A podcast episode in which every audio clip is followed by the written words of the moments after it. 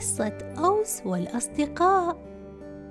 أوس طفل لطيف وحسن الخلق يحب لقاء الأصدقاء واللعب معهم في الحديقة المجاورة لمنزله ويحب مخالطة الآخرين حتى صار لديه العديد من الأصدقاء الذين يقضي معهم أمتع الأوقات.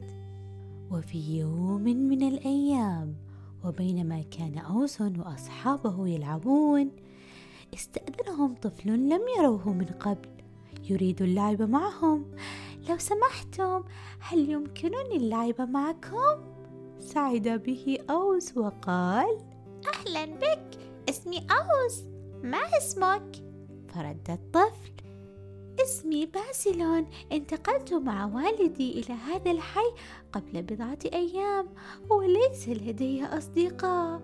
فرد عليه أوس. والآن أصبح لديك أصدقاء. هيا انضم للعب معنا وفي أثناء اللعب استوقف باسلا ولد يدعى عمار وسأله هاي من أنت؟ وما الذي أتى بك إلى هنا؟ لا مكان للغرباء بيننا. أجابه باسل ولكن أنا لست غريبا. مشيرا بيده إلى أوس وأصحابه. ومن قال لك أننا بحاجة إلى المزيد من الأصدقاء لا نريدك ارحل من هنا احمر وجه باسل وبدأت الدموع تنسكب على وجنتيه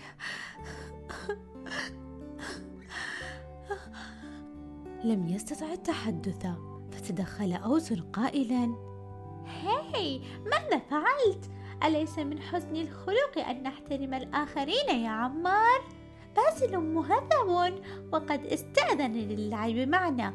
والآن هو صديقنا. هيا تعال لنكمل اللعب. ابتسم باسل وقال حسنا.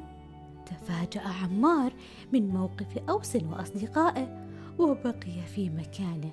يشاهدهم وهم يبتعدون برفقة باسل وكأنه صديق منذ زمن بعيد.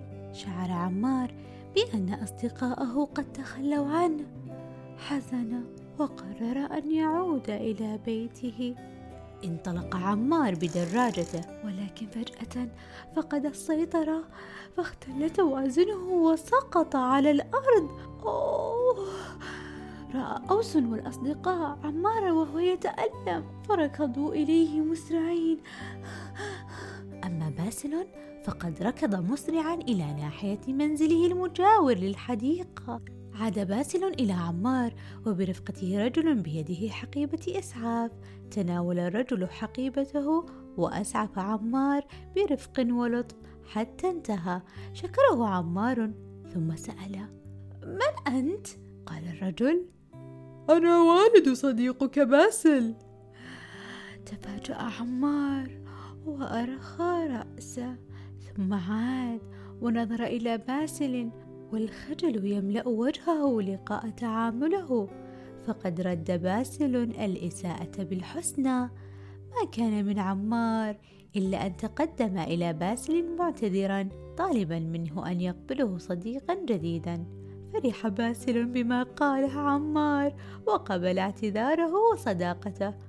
سعد الأصدقاء جميعا بما رأوا وطلبوا من عمار العودة لفريقهم واللعب معهم انتهت القصة وأنتم يا أصدقائي ماذا كنتم ستفعلون لو كنتم مكان باسل؟ وهل أعجبكم موقف أوس من الأصدقاء؟ شاركونا أجوبتكم على حسابات نوار ننتظركم دائما لمتابعتكم ودعمكم كل الحب